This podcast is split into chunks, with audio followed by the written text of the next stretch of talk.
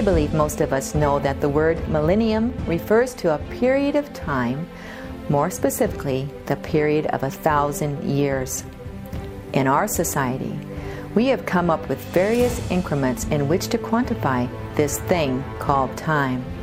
We have seconds, minutes, hours, days, weeks, decades, centuries, and yes, millenniums.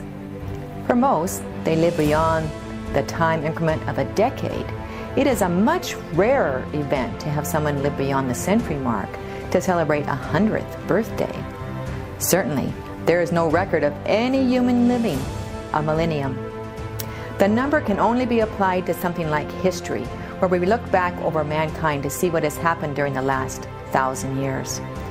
A millennium is actually featured in the Bible, but it is not a historical thousand years featuring the past, rather, a prophetic message of an important time increment to take place in the future.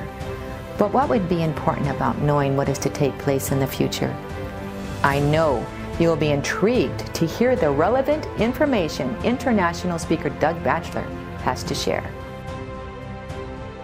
Tonight, our subject is dealing with the uh, topic of the millennium in the Bible, sometimes known as a thousand years. You find this in Revelation 20. It's called the Devil's Dungeon. If you have your Bible, I'd like to invite you to turn with me to Revelation chapter 20. And we're going to read the first few verses here, and it'll give us the foundation for what we're going to study. I want to make sure everybody understands this very important subject.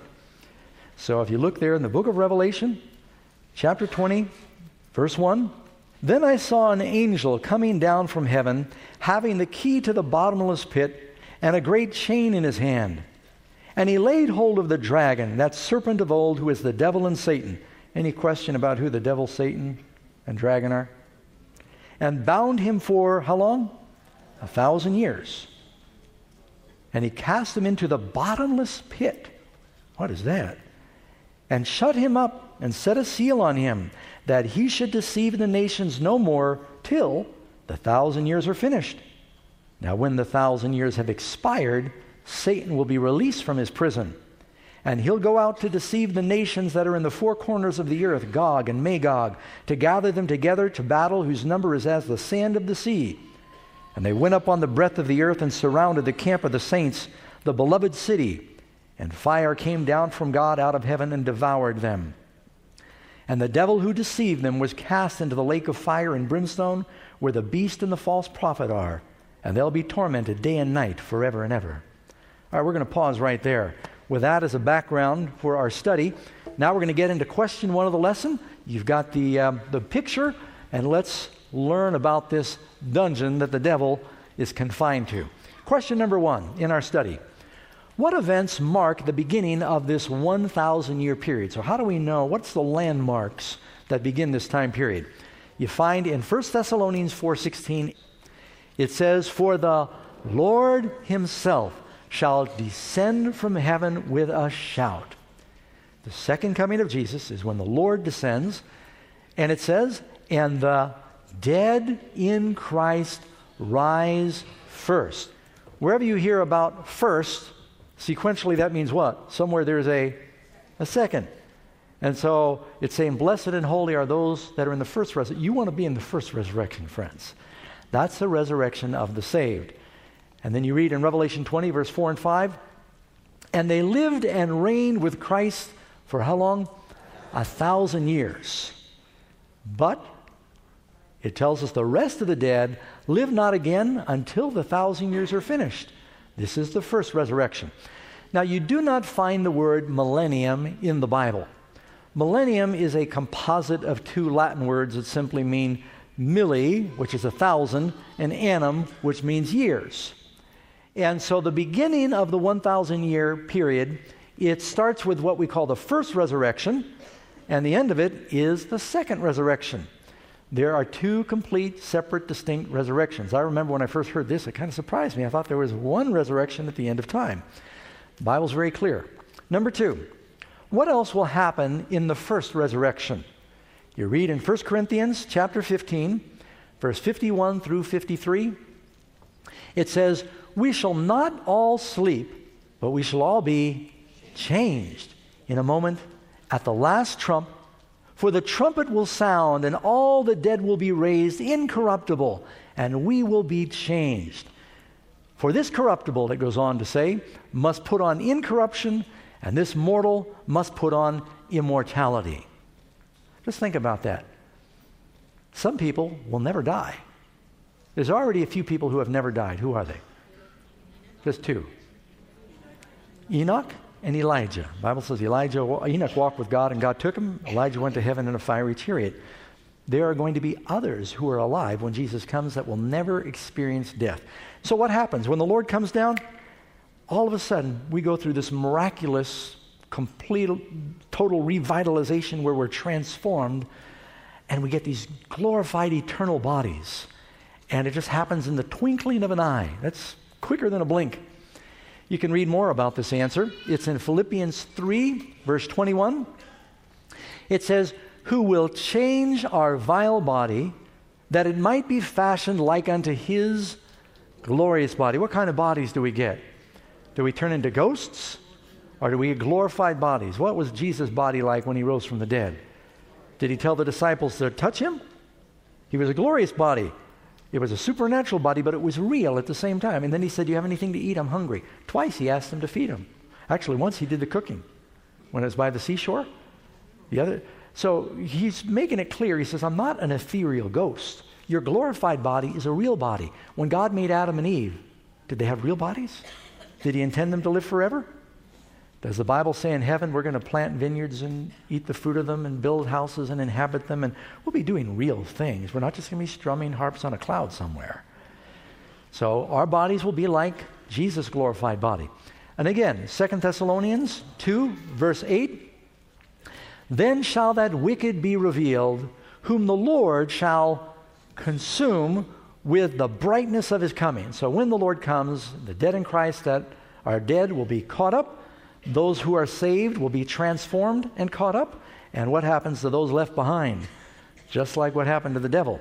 Consumed with the brightness of his coming. Furthermore, Revelation 16 18, there was a great earthquake, such as was not since men were upon the earth, so mighty an earthquake and so great.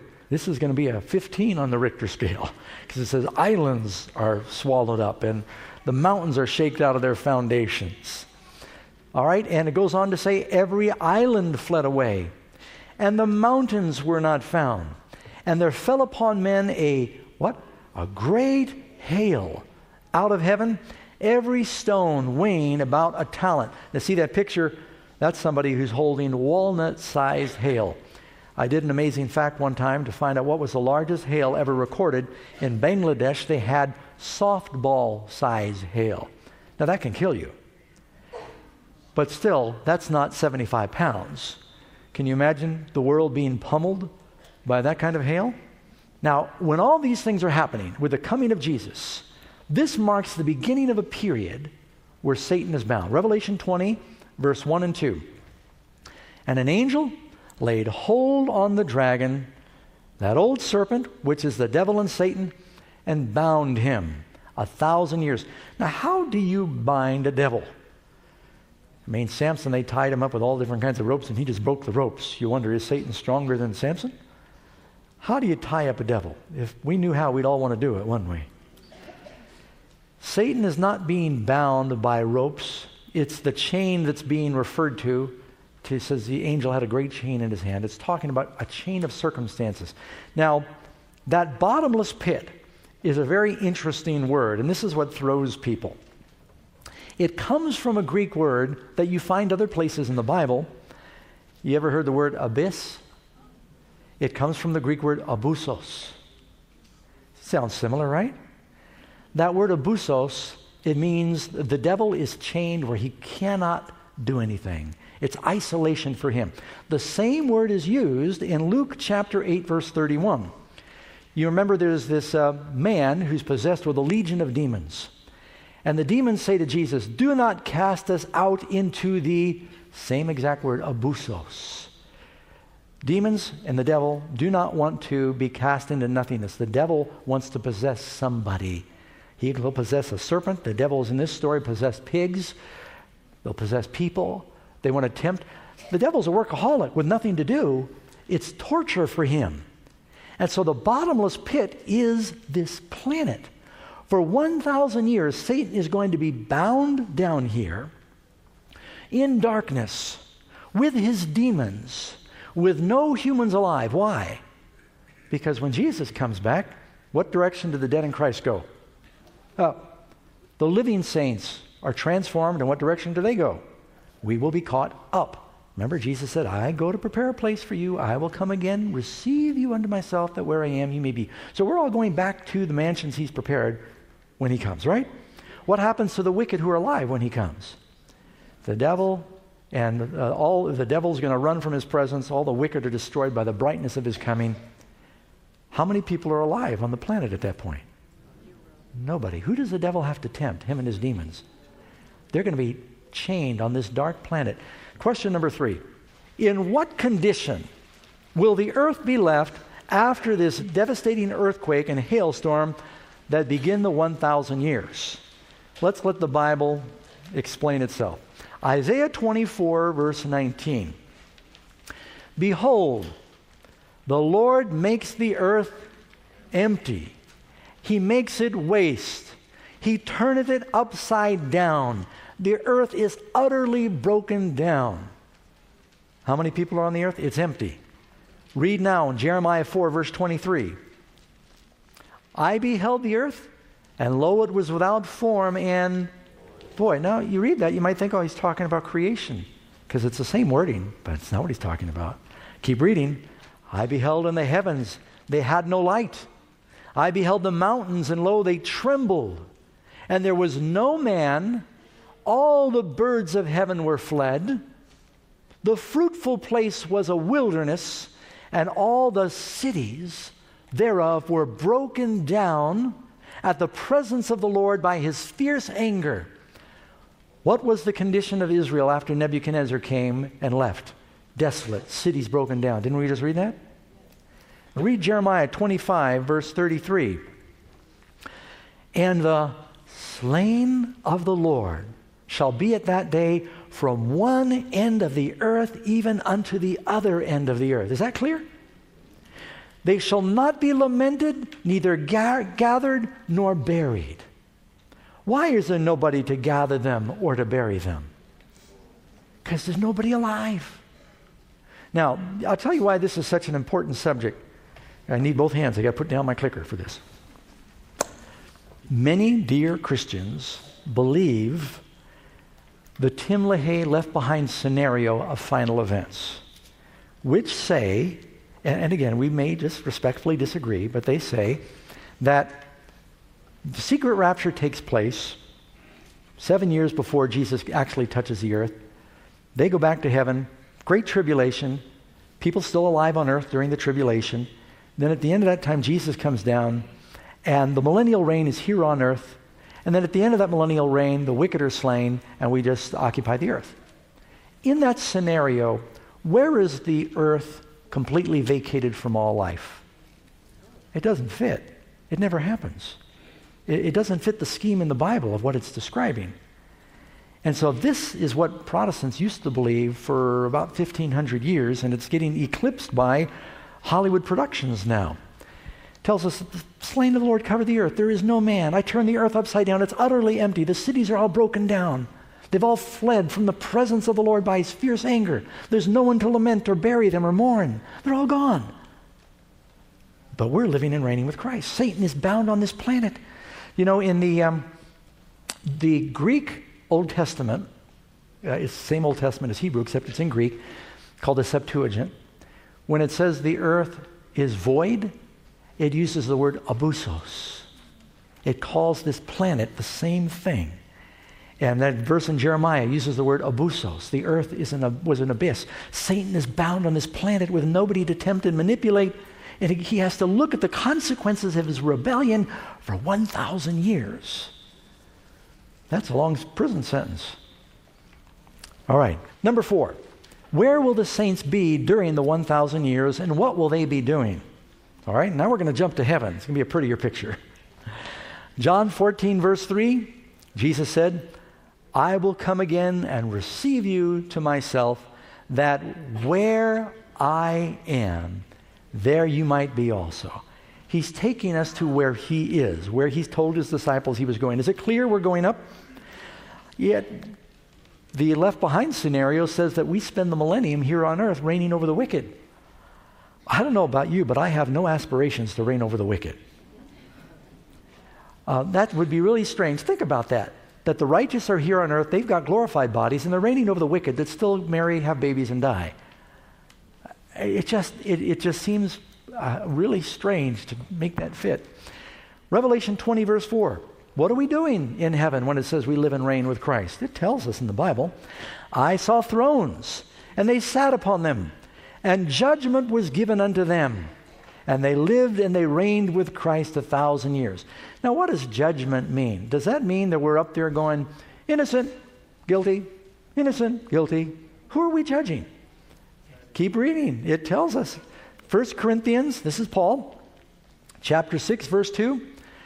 Do you not know, and verse 3, do you not know that the saints shall judge the world? You know, we're, as Christians, going to be persecuted by the world. We're going to be judged. There'll be a death decree on us. But before that happens, Jesus is going to come and rescue us, and the tables are going to turn. That means Paul will someday be sitting in judgment of Nero, who declared that Paul should be beheaded. Won't that be interesting? So God is just. All right, question number five.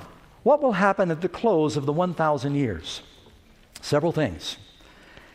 Behold, it says, and now I'm in Zechariah 14, verse 1, 4, 5, 9. Behold, the day of the Lord comes, and his feet shall stand in that day upon the Mount of Olives, which is before Jerusalem on the east. And it says, the Mount of Olives will cleave in the midst thereof. The night we studied the second coming. If anybody comes along and they say, I'm Jesus, if his feet are touching the ground, he's not Jesus, because when Jesus' feet touch the ground, he's coming to the Mount of Olives and it's going to split and form a great valley. Now, why does that happen? Revelation 21, verse 2, it's in your lesson. And I, John, saw the holy city, the new Jerusalem, coming down from God out of heaven, prepared as a bride adorned for her husband. This is a great marriage supper where finally the end of that 7,000 year period takes place. This all happens at the end of that 1,000 years. The New Jerusalem comes down. That is the good Jerusalem, city of peace. All right, so when that happens, what happens next to now free Satan from his prison. You read in um, uh, Revelation chapter 20, verse 5. We already touched on this, but we're going to read it again. But the rest of the dead live not again until the thousand years are finished. What does that imply? After the thousand years are finished, what happens? They live again. You know what else we read? After the thousand years are finished, Satan is loose from his prison. What is it that looses Satan from his prison? all the wicked dead who have ever lived are going to come back to life. He's now got this vast army again that's always listened to him before. They're ready and able to listen to him again. So, what will Satan do when the wicked are raised? Revelation 20, verse 8 and 9, it says, He will go out to deceive the nations which are in the four quarters of the earth, Gog and Magog to gather them together to battle, the number of whom is as the sand of the sea. And it goes on to say, They went up on the breadth of the earth, and they compassed the camp of the saints about the beloved city. Ezekiel talks about Gog and Magog coming against the people of God.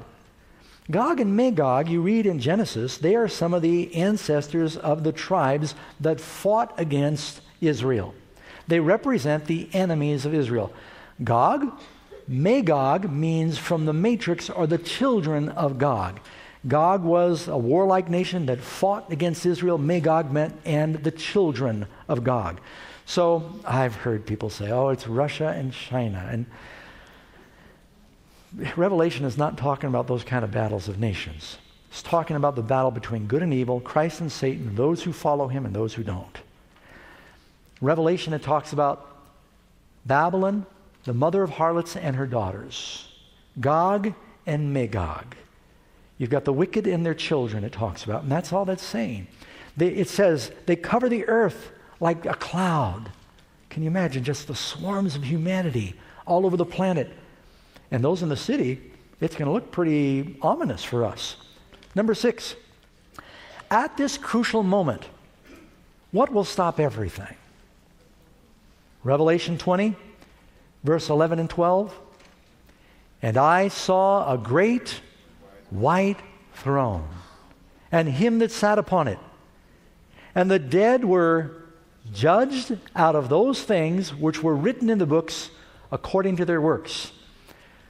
Who are the dead that are being judged at this judgment? That's the wicked. They're dead spiritually. Jesus said, If you have the Son, you have life. If you don't have the Son, you do not have life. And so during that time, when they prepared to launch this assault on the city of God, Jesus is exalted above the city. This battle is paused. The Lord will make every person's life to pass before them. In the heavens, where all can see, above the New Jerusalem, they'll see Jesus coming into the world. They'll see his perfect life. They'll see that he taught everybody what they need to do to be saved. They'll see Jesus' sufferings at the hands of Lucifer and the way that the devil was so filled with this love for power and Jesus was so filled with the power of love. What will happen next?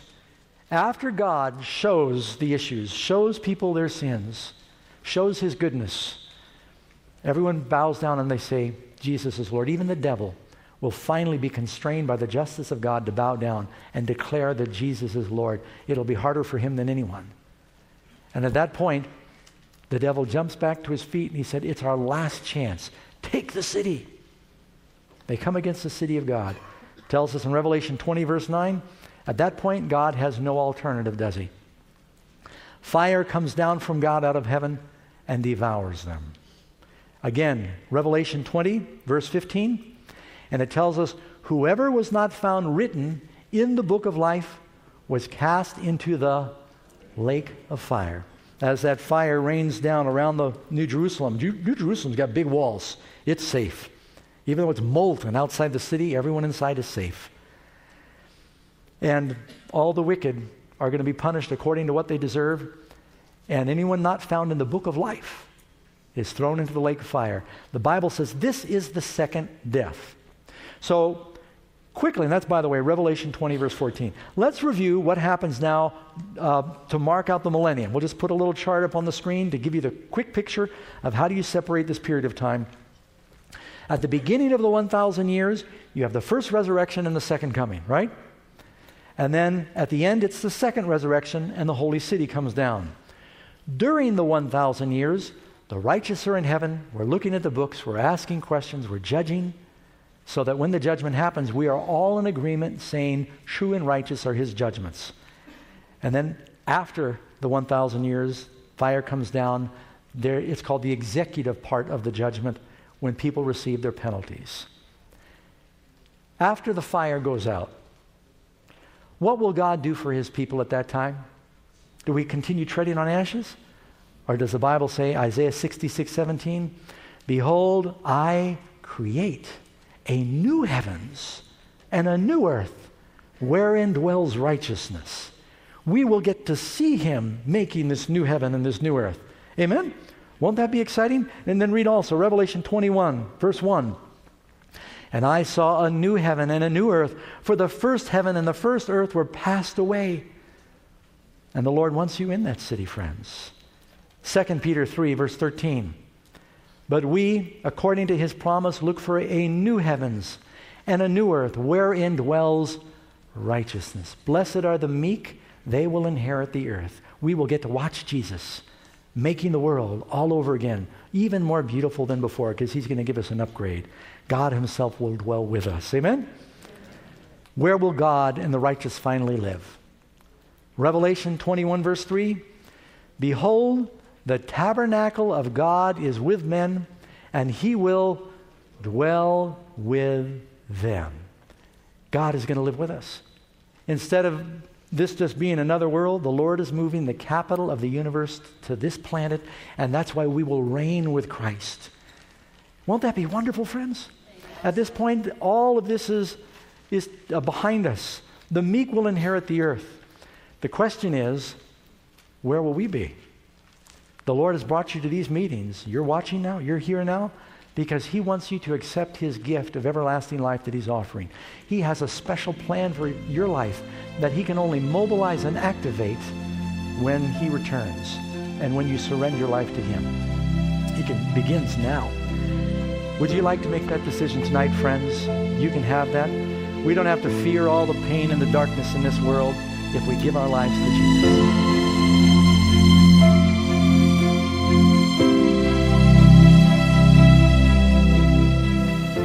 Praise God for that wonderful gift of a new heart and the hope of eternal reward in heaven. To help you better understand the promise of a new heavens and a new earth, we are offering this Bible based booklet entitled Satan in Chains, which we will mail to you at no charge. Simply give us a call at 1 877 721 3800. And be sure to ask for the free offer number 197. May God bless you abundantly in your search for truth.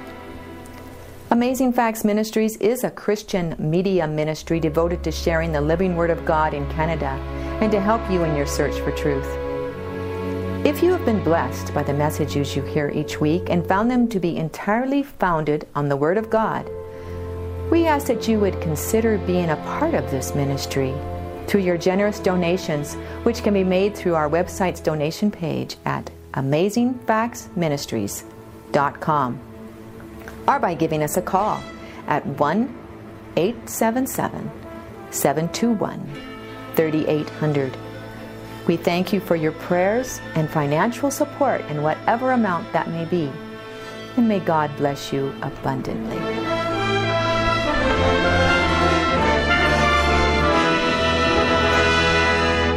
Lift up the trumpet and loud let it ring. Jesus is coming again. Cheer up, you pilgrims, be joyful and sing. Jesus is coming again. Coming again, coming again. Jesus is coming.